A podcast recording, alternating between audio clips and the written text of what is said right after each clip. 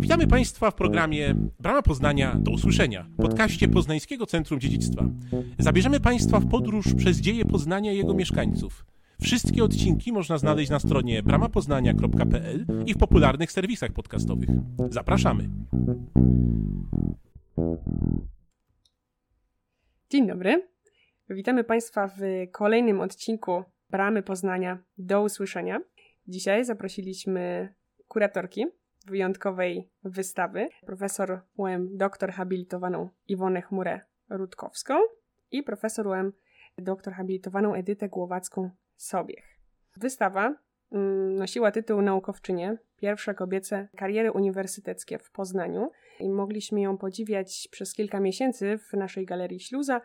I ta wystawa przybliżała realia, z jakimi musiały się mierzyć kobiety marzące o karierze naukowej na przełomie XIX i XX wieku oraz w dwudziestoleciu międzywojennym. I przedstawicielką tej omawianej e, generacji była między innymi późniejsza e, bardzo wybitna biolożka, doktor habilitowana Helena Szafran, mm, o której rozmawialiśmy w poprzednim podcaście. To właśnie tej pani był poświęcony cały tutaj czas antenowy.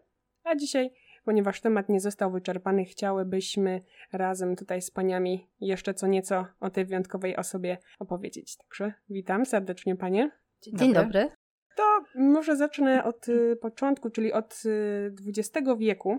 Czytałam, że na początku właśnie tego wieku pewien neurolog z Lipska, Paul Julius Mobius, uparcie twierdził, że kobiety, które no, mają mniejsze głowy i mózgi, oczywiście niż mężczyźni, nadają się tylko do opieki nad dziećmi oraz domostwem. W jaki sposób płeć piękna próbowała sobie radzić z takimi ograniczeniami w sferze edukacji?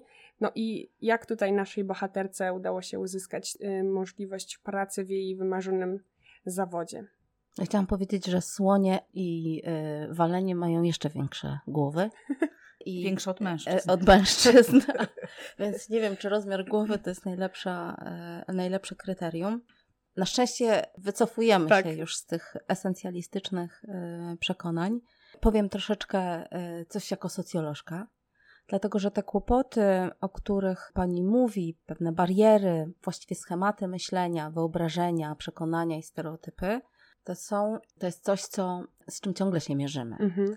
I e, Helena Szafran i jej koleżanki i jej poprzedniczki, ale my również e, ciągle mm, mamy do wykonania taką pracę na poziomie zwiększenia świadomości i zrozumienia, co właściwie w tych głowach z tymi eksplozjami głupoty siedzi. I właściwie siedzą trzy rzeczy. Pierwsza, pierwsza bariera, rafa i problem na poziomie myślenia to jest tak zwany tak zwana polaryzacja płci, czyli takie przekonanie, że kobiety i mężczyźni to są jakieś dwa zupełnie inne światy. Inne światy. Mhm. Jest nawet, nawet takie powiedzenie ukute na podstawie dosyć głupiej książki, że mężczyźni są z Marsa, a kobiety z Wenus. Ze Snickersa. e, oczywiście wszyscy jesteśmy z Ziemi.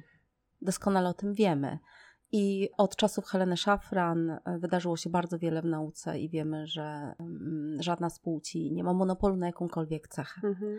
Ale mimo, że wiedza nam daje dowody na to, to cały czas jesteśmy przekonani, że rzeczywiście kobiety i mężczyźni żyją inaczej, myślą inaczej, czują inaczej, wybierają inaczej. I ta spolaryzowana wizja świata kobiecego i męskiego, która była budowana w interesie mężczyzn, bo ten podział polaryzacyjny dzielił świat na prywatny i publiczny. I świat prywatny to miała być domena kobiet, natomiast świat publiczny, właśnie z uniwersytetami, z mhm. pracą zawodową, z aktywnością e, publiczną, miała być domeną, e, domeną mężczyzn. mężczyzn. Utrzymywanie kobiet sztucznie, tak, przy pomocy prawa, przy pomocy norm, przy pomocy obyczajów, ale też przy pomocy wychowywania w pewien szczególny sposób dziewczynek, no było takim narzędziem segregowania, ale też utrzymywania pewnego nierównego porządku. Mhm. Więc przekonanie o polaryzacji. Drugi, drugie przekonanie, my nazywamy to przekonanie androcentryzmem, które czasem później się przejawia w postaci mizoginii.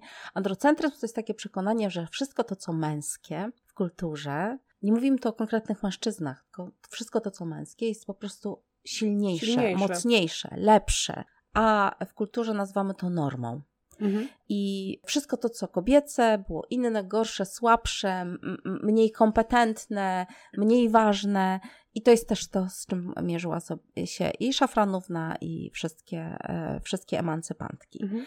Mizoginia to jest powiedziałabym, do, doprowadzona do skrajności właśnie taka postawa androcentryczna, bo mizoginia jest po prostu pogardą wobec e, kobiecości i my Jasne. wiemy, tutaj e, mamy wiele śladów, analizując losy naszych bohaterek, że wśród naukowców również było sporo mizoginów i wśród, w otoczeniu męż, e, męskim tych kobiet, również szafranówne, było sporo mizoginów. I wreszcie ostatni pogląd, nazywam esencjalizmem biologicznym, to takie przekonanie, że właśnie i przewaga mężczyzn, i ten podział na kobiece i męskie jest naturalne, oczywiste, a niektórzy uważają, że boskie. Co to znaczy nie do zmiany?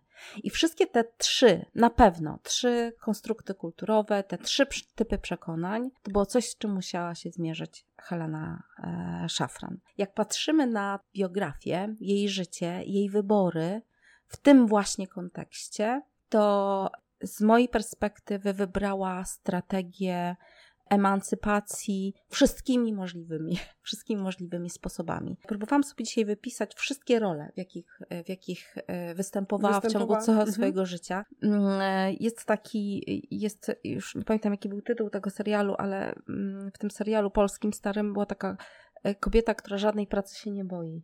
Kwiatkowska. latek. Kwiatkowska grała, to była w 40-latku. Tak, tak. Wpadała i ona za mhm. każdym razem była w innym zawodzie. Jak patrzymy na Helenę Szafran, ona pracę zaczynała u y, ojca w, tak. w zakładzie. W zakładzie. E, mhm. Cholewniczym, tak? Cholewkarskim, nie wiem czy dobrze. A trafiła w świat dla niej zupełnie obcy kulturowo i wszędzie tam mhm. my mówimy o takiej kompetencji emancypacyjnej, że musiała mieć odwagę, żeby złamać w sobie pewne stereotypy, ale też powalczyć z tym oporem dookoła siebie, e, więc miała emancypację we krwi, chociaż e, z tych wszystkich naszych bohaterek miała, jeśli chodzi o kapitał kulturowy, taki domowy, najtrudniej bo...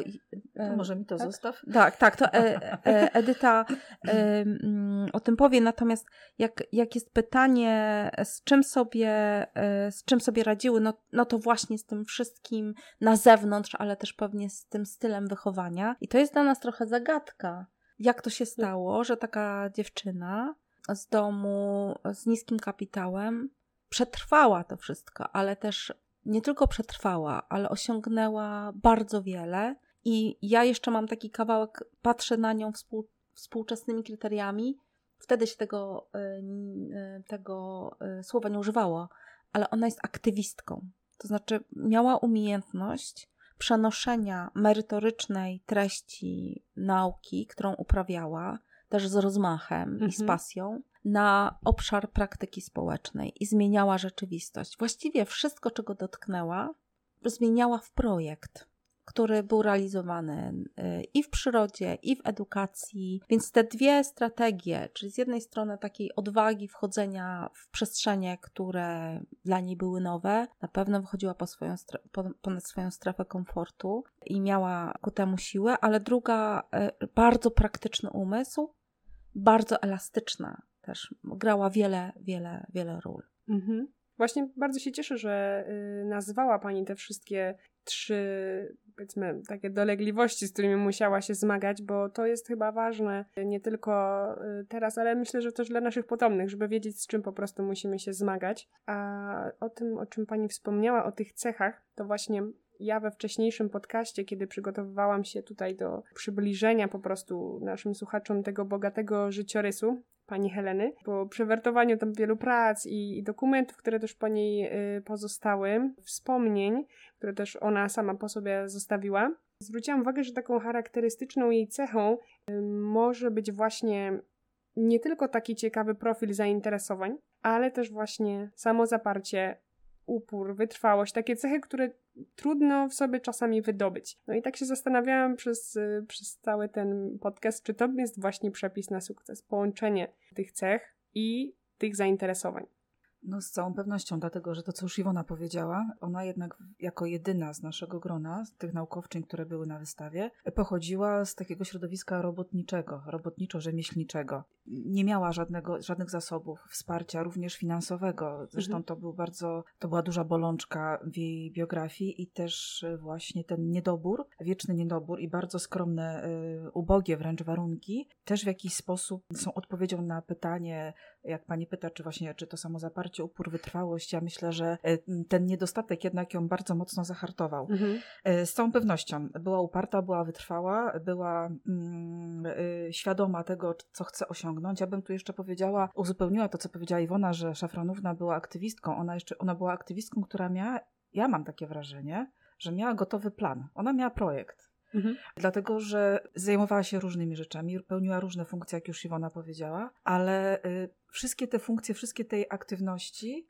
zawsze schodziły się w jedno, w jej umiłowanie, ochronę przyrody. Ja jeszcze y, będę jeszcze mówiła zapewne o jej tam dodatkowej aktywności w kolejnej części y, podcastu, ale ona miała projekt y, i miała właśnie cel. Poza tym ja myślę sobie, że ten y, przepis na sukces, o który pani pyta, to też jest w jakiś sposób weryfikowany przez, przez, przez okoliczności, przez rzeczywistość, w jakiej musiała żyć Szafranówna. I tutaj nie myślę tylko i wyłącznie o, o sferze rodzinnej, ale okoliczności utraty przez Polskę niepodległości, mm, zupełnie wyjątkowa sytuacja Polaków i Polek, jaka się wytworzyła w zaborze pruskim, inna niż w Galicji, w zaborze e, rosyjskim. W dużym stopniu myślę, że też e, zostawiły w tym pokoleniu taki głód wiedzy, głód do, mm, do bycia sobą w końcu, wreszcie w wolnej Polsce, dlatego że Szafranówna pierwszy etap edukacji zakończyła y, na niemieckiej y, Mhm. szkole. Zresztą potem świetnie y, to, to jej się przysłużyło w tym sensie, że, że była poliglotką i język niemiecki właściwie no,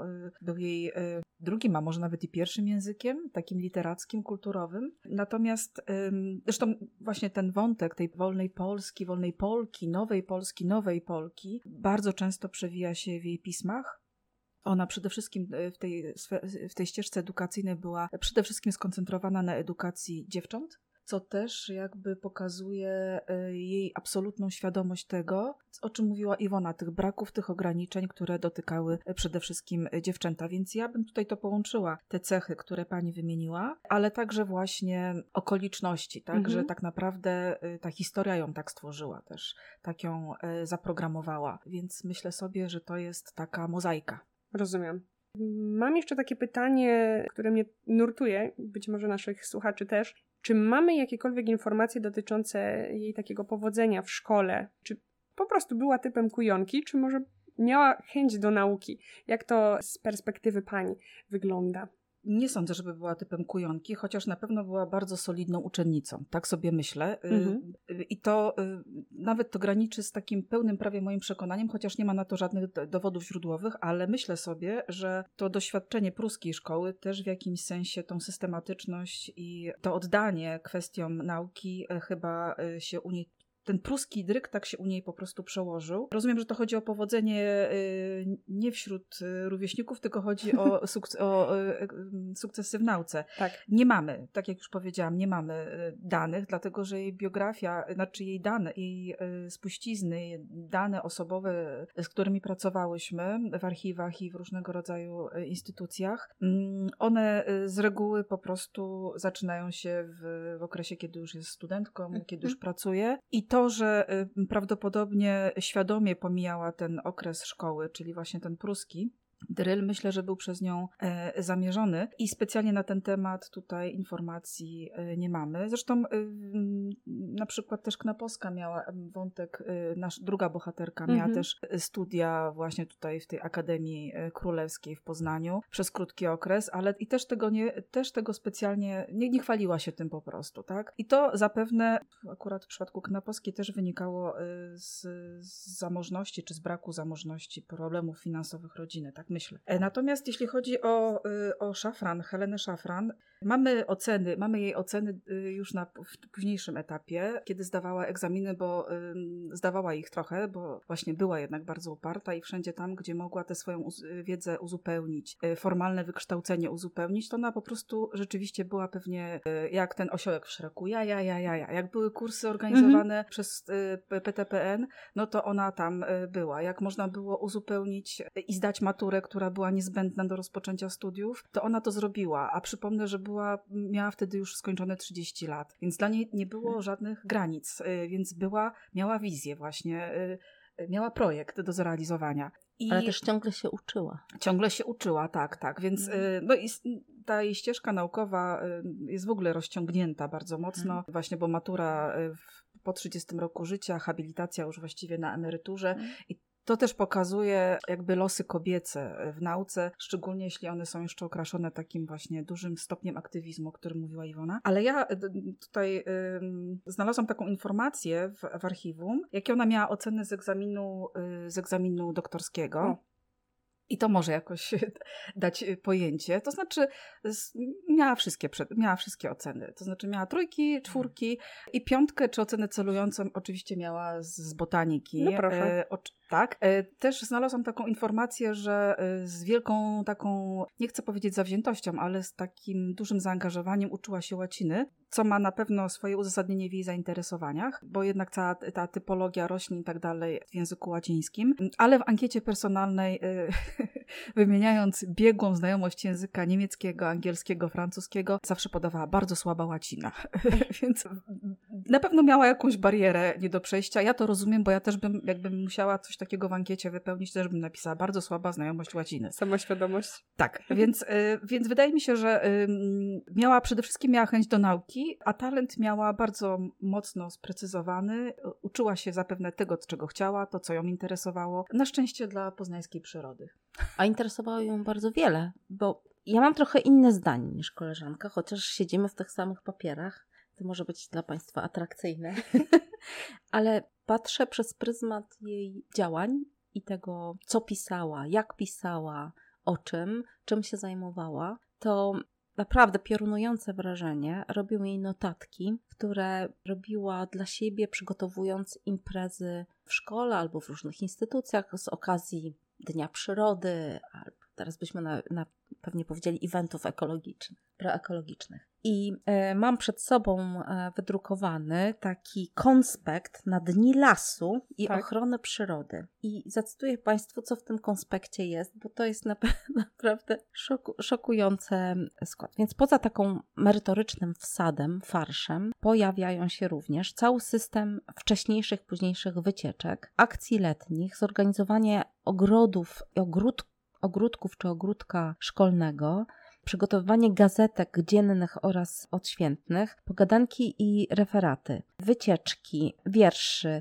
op wiersze, oprawa plastyczna, hasła, plakaty, gry, zabawy, zagadki, inscenizacje, teatr, pieśni i pląsy, e, deklamacje i recytacje, zabawy. Wszystko to program. jest opisane, mhm. to znaczy są wypisy 200-300 utworów literackich, literackich z klasyki, gdzie autorzy mówią coś o drzewach.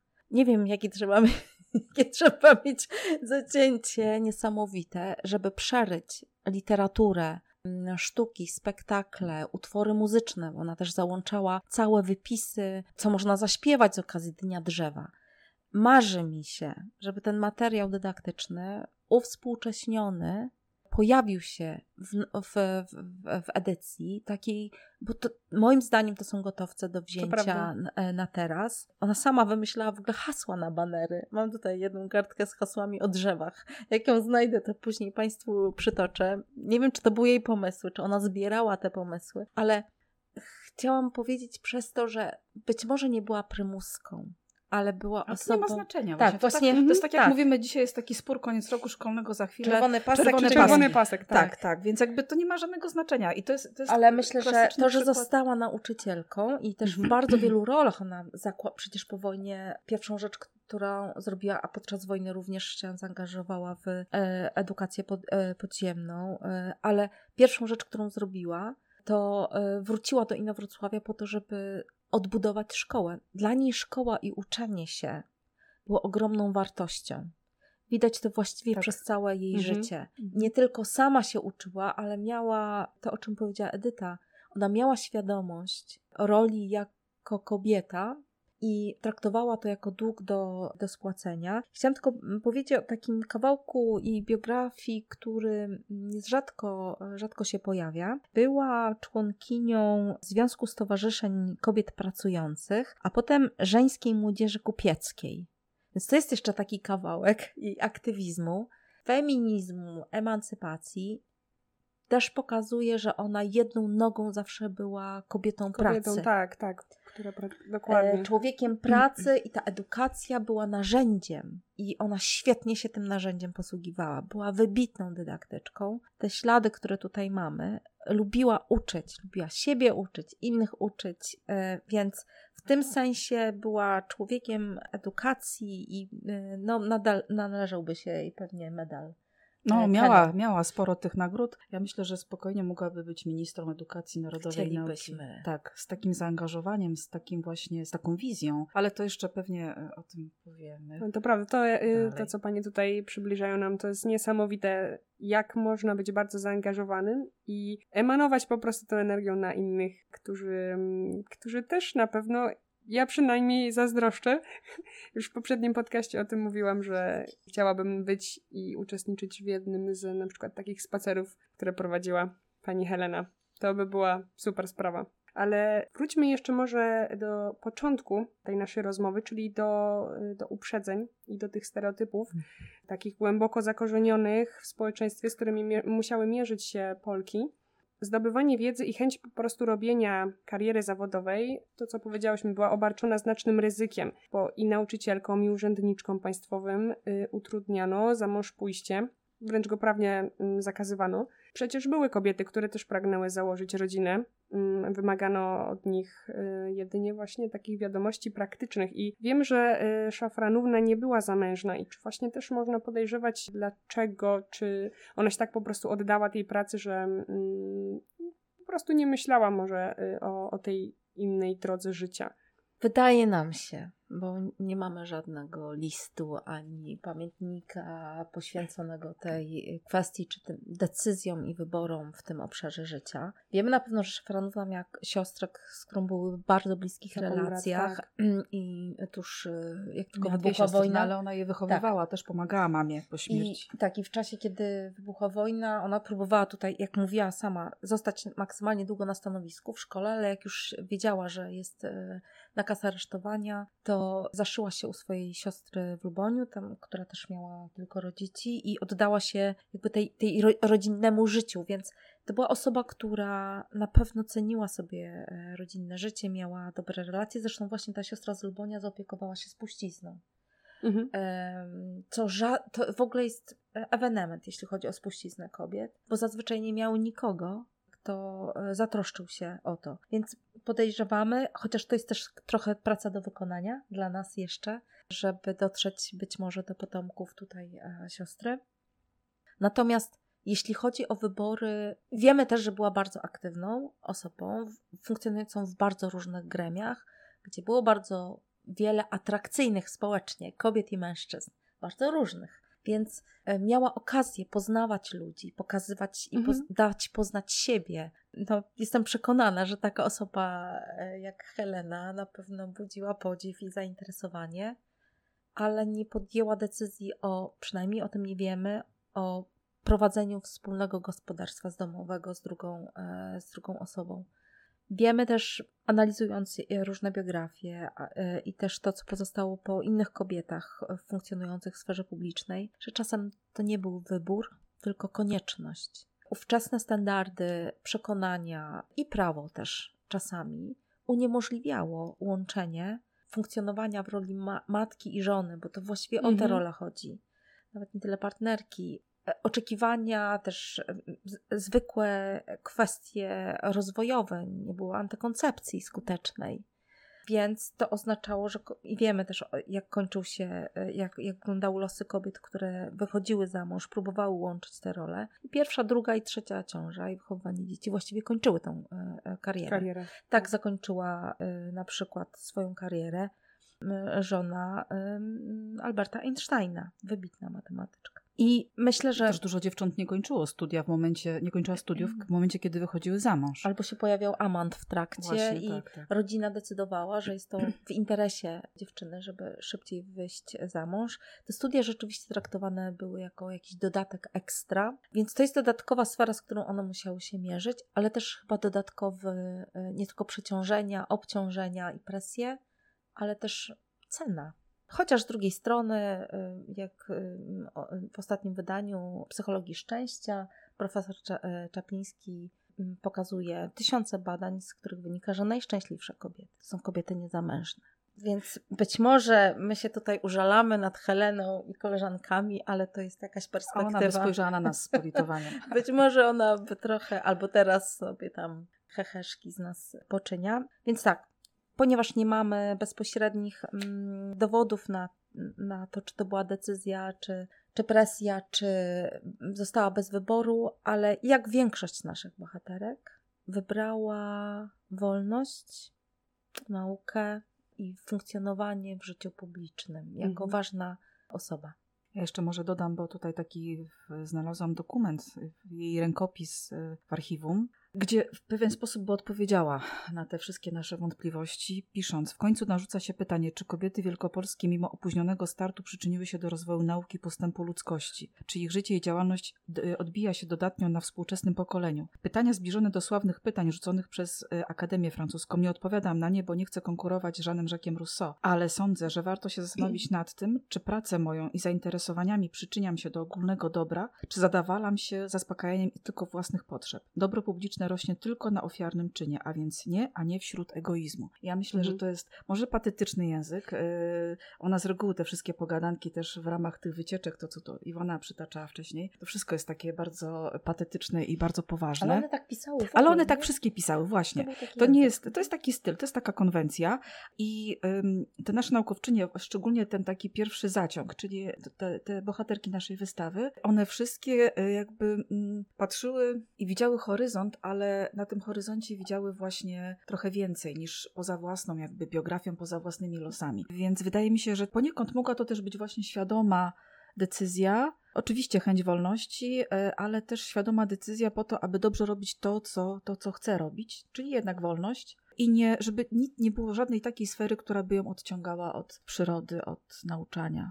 No pewnie zadziałało to, co działa teraz, to znaczy najlepiej wykształcone, najbardziej samodzielne kobiety y, wzbudzają respekt, ale też y, niezbyt wielu mężczyzn jest zainteresowanych życiem. Konfrontacją. Mhm. Tak, z, z, bo to wymaga po drugiej stronie wolności. Muszą się spotkać dwie wolne istoty, bez stereotypów i uprzedzeń. Wcale o to nie, nie tak łatwo w, współcześnie. Myślę, że wtedy, kiedy Helena była na rynku matrymonialnym, tych mężczyzn tak myślących, otwartych było jeszcze mniej. Więc... Malutko na pewno. Dobrze. To bardzo ciekawe, że, że właśnie w taki, no też dość rozbieżny sposób odpowie- odpowiedziały panie. Um, zostając przy temacie też rodziny, nurtuje mnie też pytanie, czy może wiemy coś więcej na temat rodziców pani Heleny, bo wydaje mi się, że gdzieś tam ta sfera takiego rodzicielstwa, ona w nas zostaje, zwłaszcza ma dużą rolę odgrywa, kiedy jesteśmy najmłodsi. No wiemy, wiemy, kto, y, y, kim byli rodzice Heleny Szafran na całe szczęście i całkiem sporo w sumie, jak biorąc pod uwagę środowisko, z jakiego wyszła, dlatego, że dużo chętniej, dużo częściej spotkamy, znajdziemy materiał dotyczący Mielżyńskich, y, Raczyńskich i tak dalej, natomiast właśnie z Szafranami może być problem, ale wiemy. Jej ojciec, jak już Iwona wspomniała, był cholewkarzem, czyli Mhm. nazywał się Ignacy Szafran. Był cholewkarzem, co oznacza, że mm, mm, mówiąc dzisiejszym językiem, był takim podwykonawcą. On nawet nie był pełnowymiarowym majstrem szewskim, Aha. e, tylko właśnie wykonywał e, pewne prace, które zlecał mu właśnie szewc, Szewc, który był tak. majstrem właśnie, Mhm. tak? I e, w związku z tym, jakby biorąc też pod uwagę też e, właśnie liczną rodzinę, znaczy liczną, w sumie może nie liczną, ale no trójka dziewcząt, e, biorąc pod uwagę to, że Helena musiała jednak pracować, nawet już na poziomie tej pierwszej szkoły, żeby, żeby, żeby opłacać, Mhm. tą, y, wnosić tą opłatę szkolną, to to oznacza, że no, zawód cholewkarza nie był specjalnie tutaj Intratny. intratny Mm. właśnie. Co prawda w jej archiwaliach jest informacja, że ojciec z czasem y, usamodzielnił się i otworzył swój własny zakład, ale jednocześnie zaczął chorować i po prostu zmarł.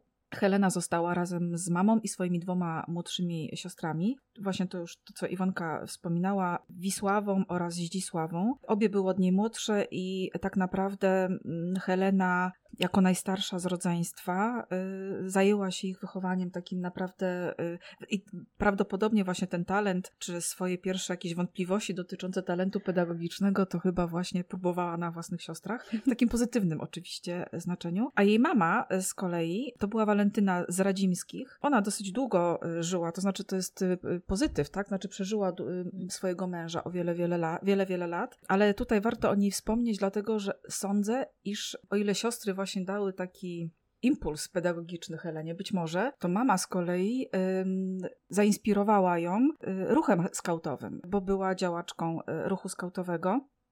Y, Działała w obywatelskim kole przyjaciół y, y, harcerzy w Poznaniu. Harcerstwo w Poznaniu pojawiło się najpóźniej ze wszystkich zaborów, chociaż relatywnie wcześniej, w 1912 roku. I to, o czym tutaj sobie też rozmawiamy, tak dookoła, to co Iwonka mówiła o tej różnorodnej formie przekazywania wiedzy i tak dalej, o, tym takim talencie pedagogicznym, myślę sobie, że też tutaj e, duże znaczenie duży wpływ na Helenę miało jej zaangażowanie w harcerstwo, prowadzenie przez nią drużyny, więc ym, myślę Też sobie... żeńskiej. Żeńskiej, tak, oczywiście, że żeńskiej, tak, tak.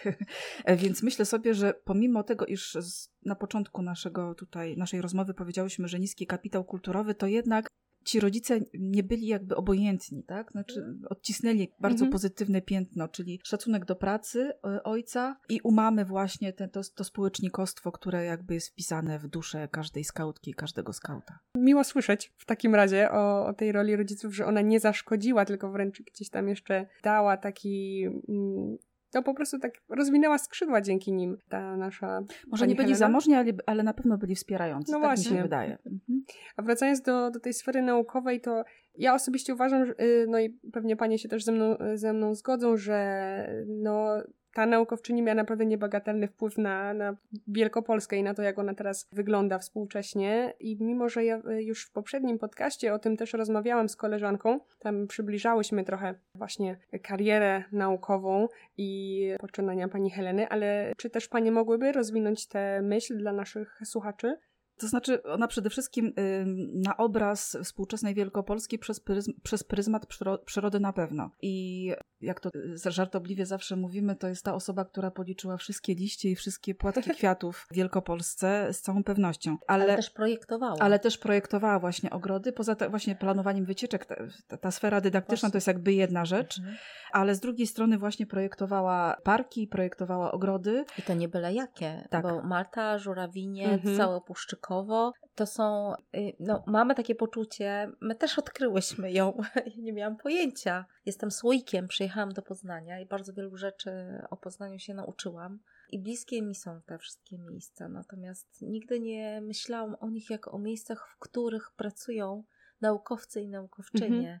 I to, za co jestem wdzięczna też w, w tym projekcie, że bardzo ja w ogóle zrozumiałam, jaką rolę odgrywają ludzie, którzy dbają o tą, o to naszą przestrzeń przyrodniczą. Wiem, że Brama Poznania i e, tutaj też bardzo dla Was to jest ważny, e, ważny temat. I e, Szafranówna na pewno może być takim przykładem osoby, która bardzo progresywnie, nowocześnie myślała o, O projektowaniu przy, e, przyrodzie, ale też projektowaniu prospołecznym. Takim w zgodzie z naturą i mnie fascynuje w niej, w, nau- w tej jej naukowym kawałku, że z jednej strony zajmowała się absolutnie nie mało sexy tematami, czyli jakimiś dramami. Ja tutaj mam jej ty- tytuł, tytuł pracy dyplomowej Łąki nad ujściem Piaśnicy.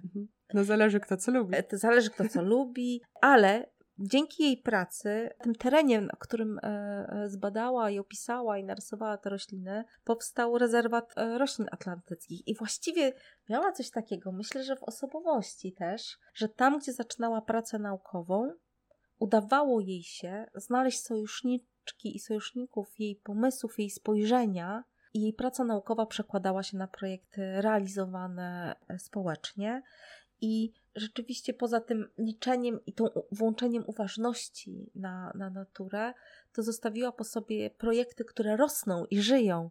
I to, że to są projekty, które żyją, Mhm. dzięki którym oddychamy dzisiaj, jesteśmy wszyscy zdrowsi. E, wydaje mi się, że szafran powinna być po prostu pomnik. Pomnik, tak. Pomnik e, przyrody.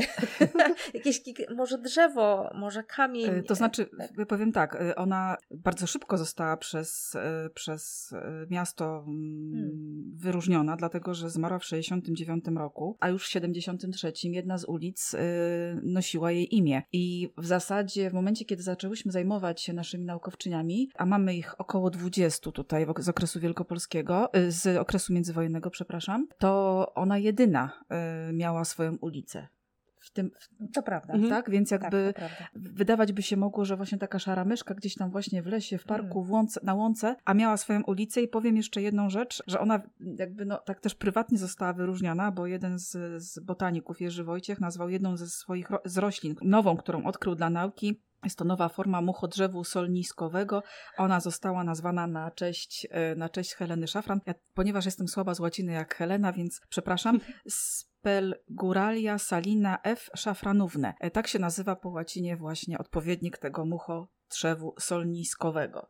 Mhm. E, więc być może na przykład jakiś, y, w Szczecinie jest ogród różany, więc może jakiś ogród w, w Poznaniu by się przydał muchodrzewowy, tak? Z tą roślinką właśnie w roli przewodniej. Chociaż chyba to jakiś bardzo zasolony teren by musiał być stworzony pod tę roślinkę, tak mi się wydaje. Chciałam jeszcze powiedzieć, bo my pokazujemy ją jako taką osobę blisko ziemi, powiedziałabym, blisko Tak. tych e, projektów e, praktycznych. Ale jak patrzymy na jej biogram i jej zaangażowanie w różne bardzo poważne organizacje, takie, które były odpowiedzialne nie tylko na poziomie regionalnym, czy na poziomie ogródka szkolnego, ale na poziomie całego kraju, zarządzania tym, e, tym zielonym kapitałem, no to ona wszędzie była. To znaczy to, to, to hasło, że jest członkinią, członkinią zarządu, e, właściwie była członkinią wszystkich liczących się agent, które miały cokolwiek do, powiedzenia na temat Zielonego Ładu Mhm. e,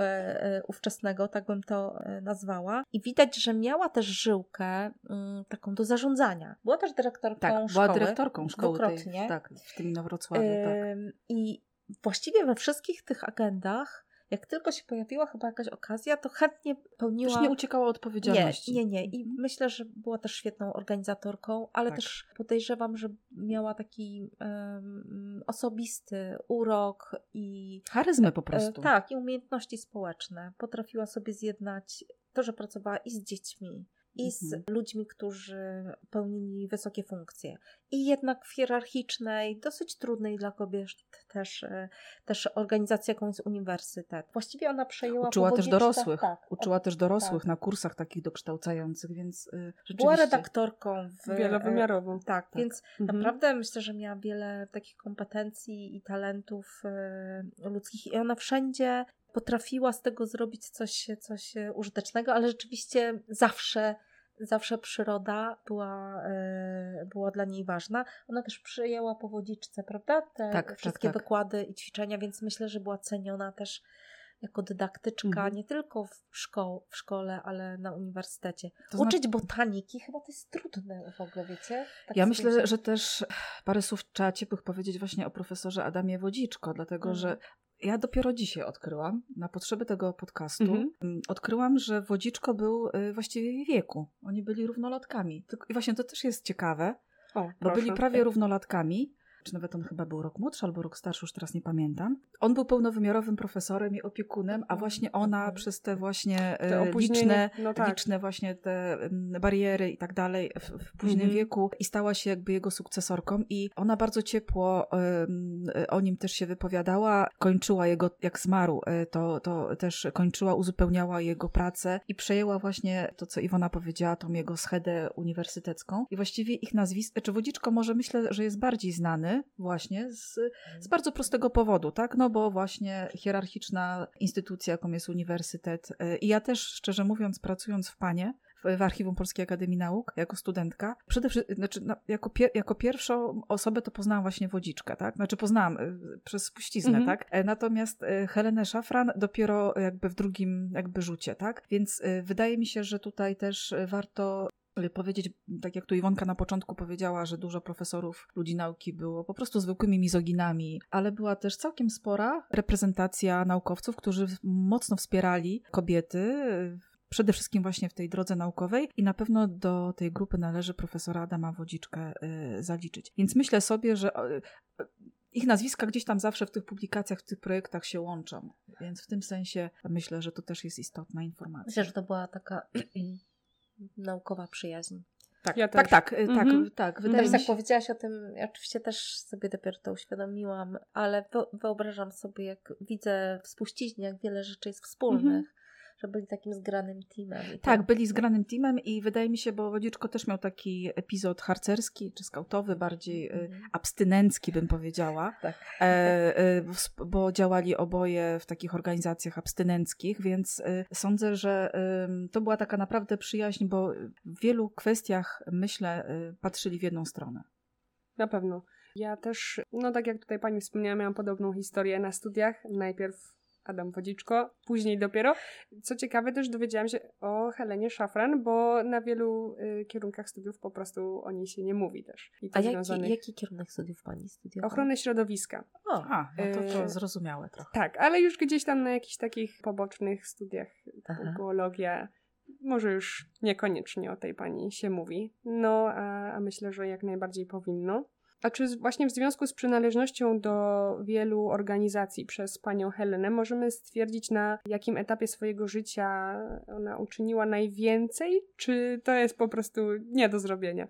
robiła różne rzeczy na różnych etapach. Mhm. Właśnie. I w, z różnymi ludźmi, y, z różnym takim jakby przygotowaniem, tak? Bo zupełnie inaczej myślę sobie, jak y, ledwo co skończyła tę szkołę pruską i prowadziła drużynę y, harcerską, myślę, że miała trochę inny zasób wiedzy, ale na tamten czas Był wystarczający. w- może nie wiem, czy wystarczające, ale y, jedyny, jaki, jaki, jaki mogła mieć po prostu, tak? Więc myślę, że to jest chyba niewykonalne i podejrzewam, że, y, znaczy nie podejrzewam, to jest y, moje przekonanie, to jest pewność, że w zasadzie można powiedzieć, że trzeba ją oceniać całościowo, przez pryzmat całego życia, bo tak jak już tu wspólnie po, powiedziałyśmy, ona działała w różnych, w różnych organizacjach, oczywiście te Ligi Ochrony Przyrody, Towarzystwo Krajoznawczo-Turystyczne i tak dalej, ale właśnie to, co jakby zawdzięczała matce, to co zawdzięczała właśnie scoutingowi, harcerstwo jest to temat mi bliski, bo się tym zajmuję naukowo także, więc y, tutaj no, y, organizacja, y, organizacje trze trzeźwościowe, takie właśnie abstynenckie, No e, tak. czy właśnie prowadzenie drużyn. Ja tutaj mamy też w archiwaliach jest bardzo dużo, e, bardzo dużo jej takich pogadanek spisanych. Ona wszystko notowała na nasze szczęście. tak, tak.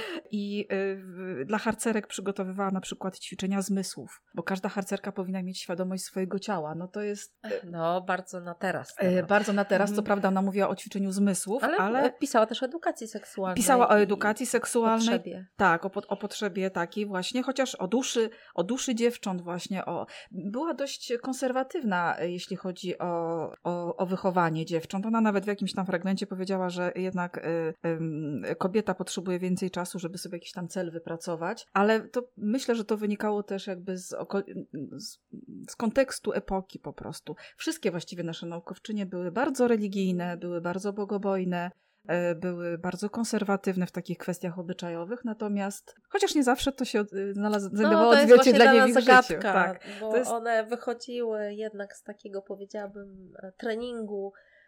Pytanie, czy to był trening, czy właśnie efekt treningu, czy to były ich wybory, Hmm. bo trzeba pamiętać, ja tutaj zaczęłam mówić o takiej jakby, no nie, nie chcę powiedzieć, że niezwykłej, ale nietypowej, e, nie, nietypowego znaczenia, jaki miał zabór pruski dla, dla wychowania. Jednak zabór pruski zdecydowanie odstaje od pozostałych e, w wielu kwestiach i również tutaj ta edukacja kobiet, e, to o czym też Iwona mówiła, e, no była no, była unikalna, to znaczy unikatowa, to znaczy w tym sensie, że jednak ym, być może to... Była dobra sieć szkół, tak? E, No tak, ale no. y, nawet jeśli zgermanizowanych. Tak, tak, tak, ale, ale jednak y, nie zawsze dla dziewcząt, tak? Jednak tutaj w, pol, y, w warunkach polskich naprawdę bardzo późno y, można było y, uzyskać maturę, która była niezbędna do rozpoczęcia studiów, ale jakby nawet tak patrząc sobie, wiesz, przez pryzmat Iwonko badań profesora Molika, jak on tam na przykład opisywał wychowanie czy rodzinę szlachecką, czy tam ziemiańską bardziej w Wielkopolsce, no to jednak prymat tego życia rodzinnego, tych tak zwanych y, przyrodzonych obowiązków kobiety,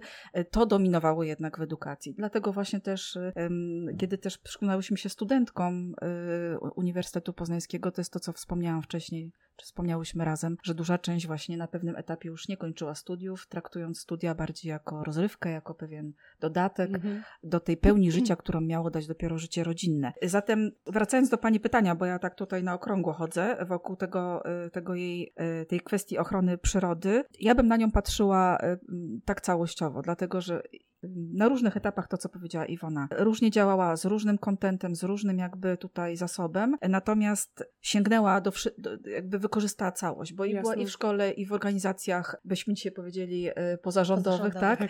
E, I w uniwersytecie, i w mediach, e, tak to I nazwijmy. w agendach państwowych. I w agendach i w państwowych. I w nauce. I więc, w kulturze. I w kult, tak. Więc, bo też jej badania były wykorzystywane w ogóle do szerszych prac dotyczących właśnie kultury czy specyfiki Wielkopolski, nie tylko w tym takim zielonym wymiarze. Też, mhm. E, też pisała biografię innych e, biologów e, i przyrodników, więc jeszcze miała taki kawałek, że tak. ja świadomość, że warto zachować różne postacie zapomniane.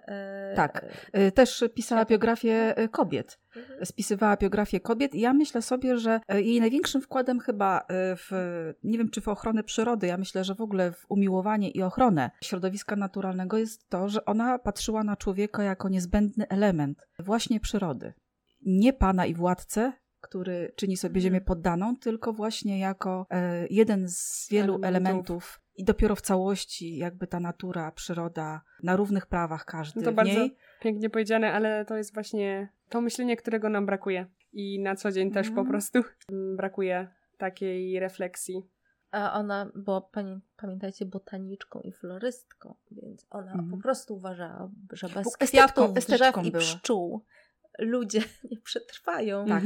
I mówiła to otwartym tekstem, e, a my dopiero teraz zaczynamy wydaje nam się wymyślać, e, wymyślać te Tak, tak. Ona właśnie była bardzo też zmysłową kobietą, znaczy po prostu mm. tą rzeczywistość wszelkimi zmysłami jakby e, pochłaniała i poznawała. Zresztą tu tutaj w tym wystąpieniu też pisała, że z, zmysł smaku, jego utrata byłaby na pewno straszna, no bo jak można byłoby wtedy smakować i rozkoszować się smakiem czekolady. Więc no to tak może. Też jako y, y, biolożka, botaniczka rysowała, zbierała zdjęcia, fot, y, sama fotografowała, dawała siebie fotografować jest taki zestaw fakt mnie bardzo zaskoczył, że ona też bardzo dobrze rysowała. Tak. Y, co tak. też pokazuje... Przestrzegała swoje uczennice, żeby robić rysunki i czytać w, dobry, w dobrze oświetlonym pomieszczeniu, ale biorąc pod uwagę jej wadę wzroku, chyba sama się nie stosowała do e, tego. Chociaż pokazywała mi rysunki y, ostatnio osobie biolożce, y, influencerce, ale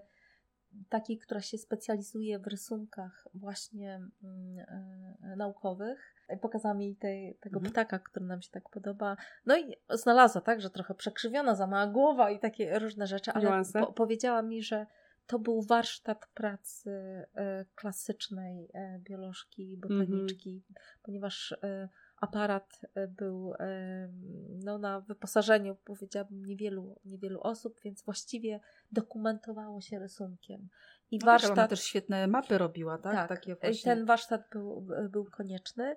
E, natomiast ona to wykorzystała jeszcze, wzięła, wzięła tą kompetencję do, do swojej metodyki.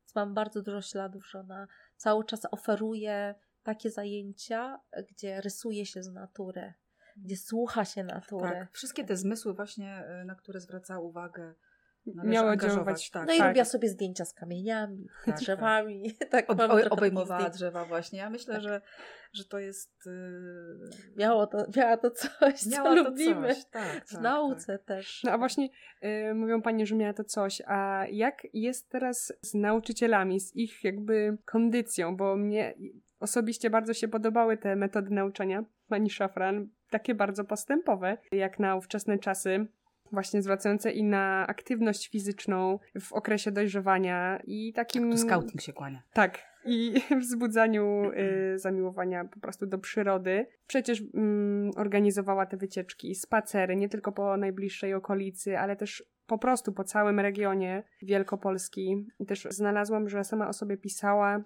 Całe grono nauczycielskie i młodzież potrafiłam zaprząc w służbie idei ochrony przyrody i uczynić z niej doniosły czynnik wychowawczy. To jest właśnie czuć tę samoświadomość, że ona już na tym etapie, kiedy wypowiadała te słowa, tak jak pani mówiła na początku, ona już wiedziała, jaki jest po prostu cel tej podróży.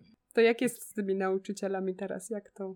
Czy oni mają podobne metody nauczania? Myślę, że metody są podobne i jest więcej też możliwości, żeby na przykład przy pomocy nowych technologii pokazać kawałki świata, do których i tak byśmy nie mieli szansy dotrzeć. E, właśnie mam przed sobą opis, ocenę pracy naukowej Heleny Szafran przed habilitacją jest to taki, ta, taki epitet, że była to propagatorka wycieczkowania. O. I to są świetne hasła. E, nikt już tak nie mówi, ale e, myślę, że, e, że metodycznie mamy dużo więcej możliwości. Problem jest inny. Żyjemy w betonozie. To znaczy, zrobiliśmy ze szkół bunkry, do których zamykamy dzieci na wiele godzin i pokazujemy im na slajdach, w podręcznikach przyrodę, ponieważ e, dzieci i młodzi ludzie uczą się coraz więcej, bo mamy coraz bardziej skomplikowany świat, coraz bardziej wyspecjalizowane zawody. Wydaje nam się, że możemy tam jeszcze doładowywać e, w tej szkole więcej do tych głów, natomiast chyba dotarliśmy już do, e, do ściany. ściany. Tak.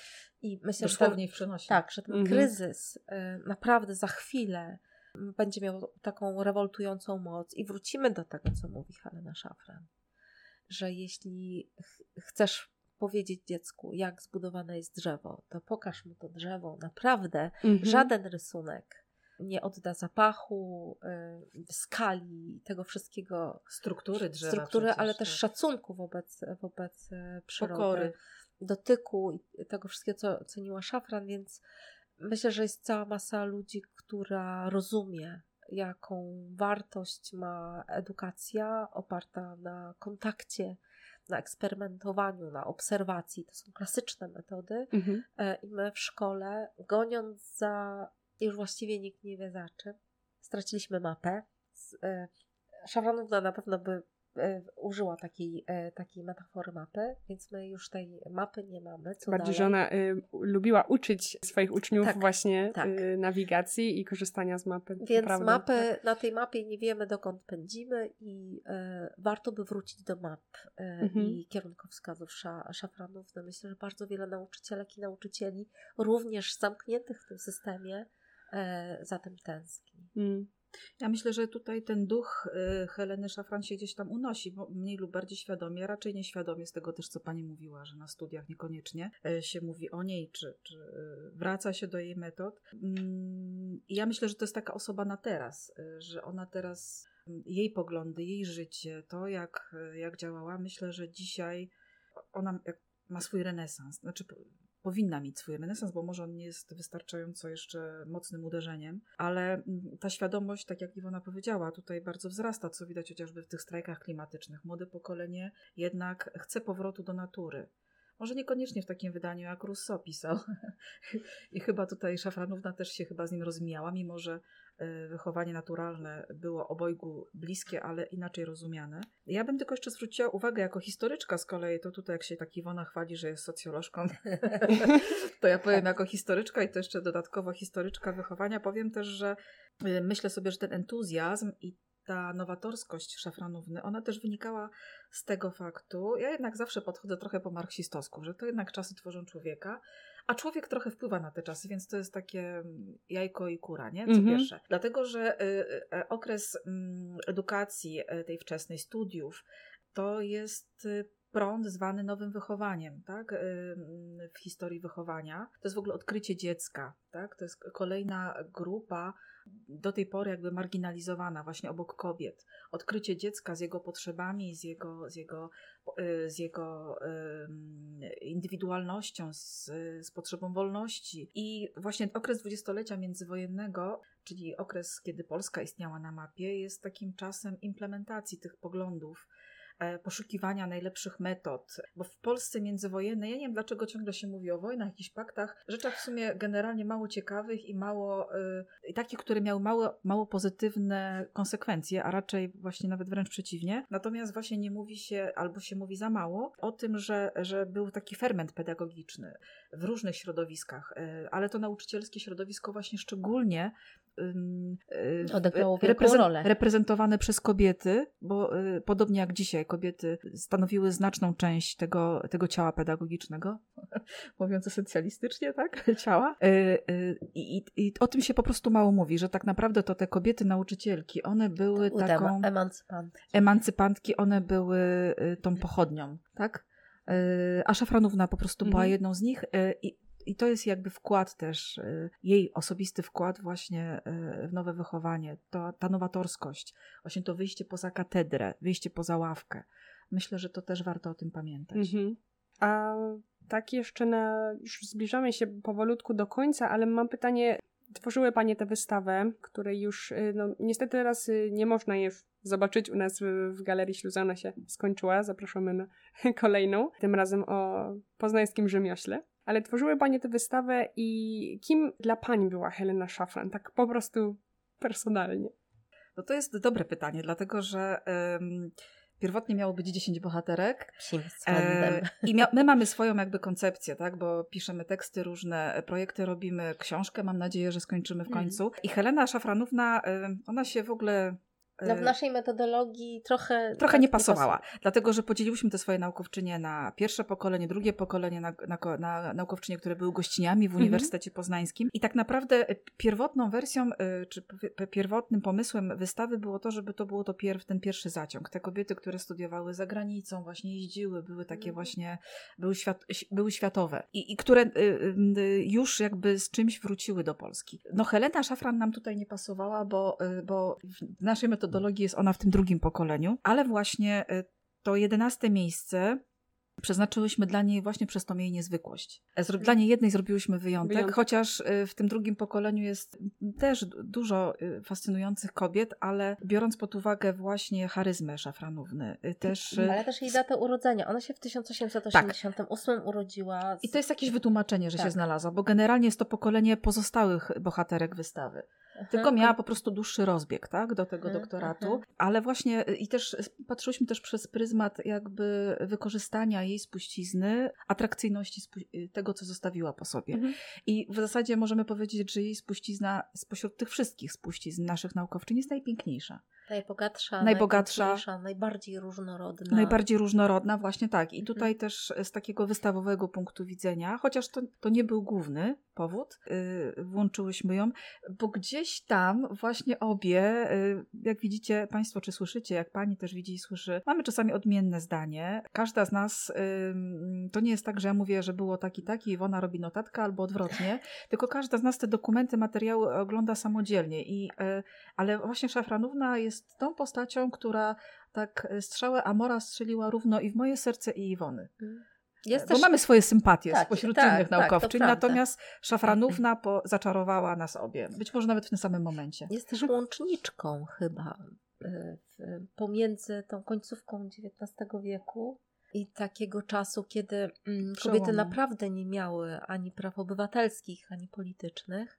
I tej cała mm, młodość i dorosłe życie przypadło na taki czas, kiedy mogła jako pierwsza skorzystać z tego wszystkiego jeszcze jako młoda kobieta. Oczywiście e, mocno tutaj y, trajektorię po, poszarpała wojna, jak wszystkie. Jak wszystkim. Z, no, mężczyznom z też. Mężczyznom też. I myślę, że to jest, mogłaby być z jednej strony uczennicą, ale z drugiej strony e, dosyć długo żyła i to, że urodziła się w tak innych czasach, niż przyszło jej później jako dojrzałej kobiecie działać, jest fascynująca, ale e, Szafranówna wzięła sobie wszystko, co mogła.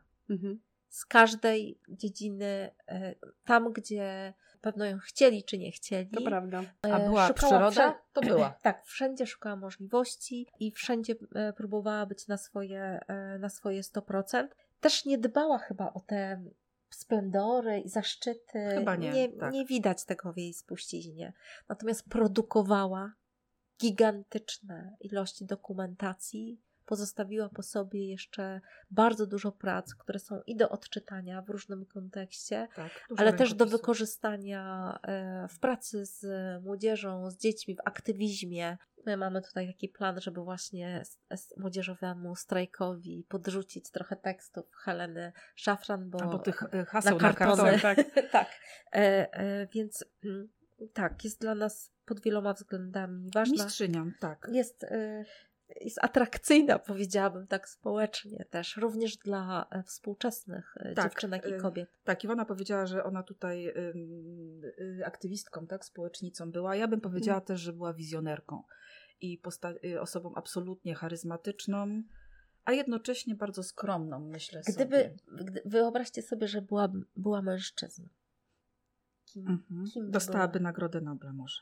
E, I ten pomnik.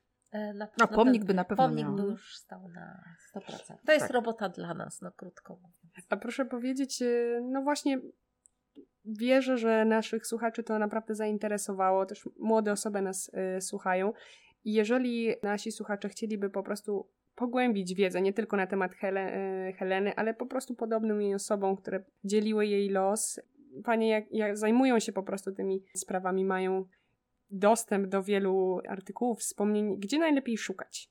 No, Cóż, tak. Czy to jak, jest, czy może jak ktoś jest chce przeżyć przygodę życia i nigdy nie był w archiwum, to, to zapraszamy do oddziału poznańskiego archiwum Tak czułam. PAN. Mhm. E, Albo do archiwum uniwersyteckiego, jeśli chodzi o na przykład o szafranówkę. Tak, trochę jest mniej e, w uniwersyteckim. No to- panowskim jest e, dużo To więcej. jest sku- spuścizna kupiona od rodziny. właśnie. Tak, tak, właśnie. I jest też uporządkowana, Mhm. co jest dużą, dużym ułatwieniem. Jest trochę opracowań takich, które jest w otwartym dostępie, dobrze zrobionych.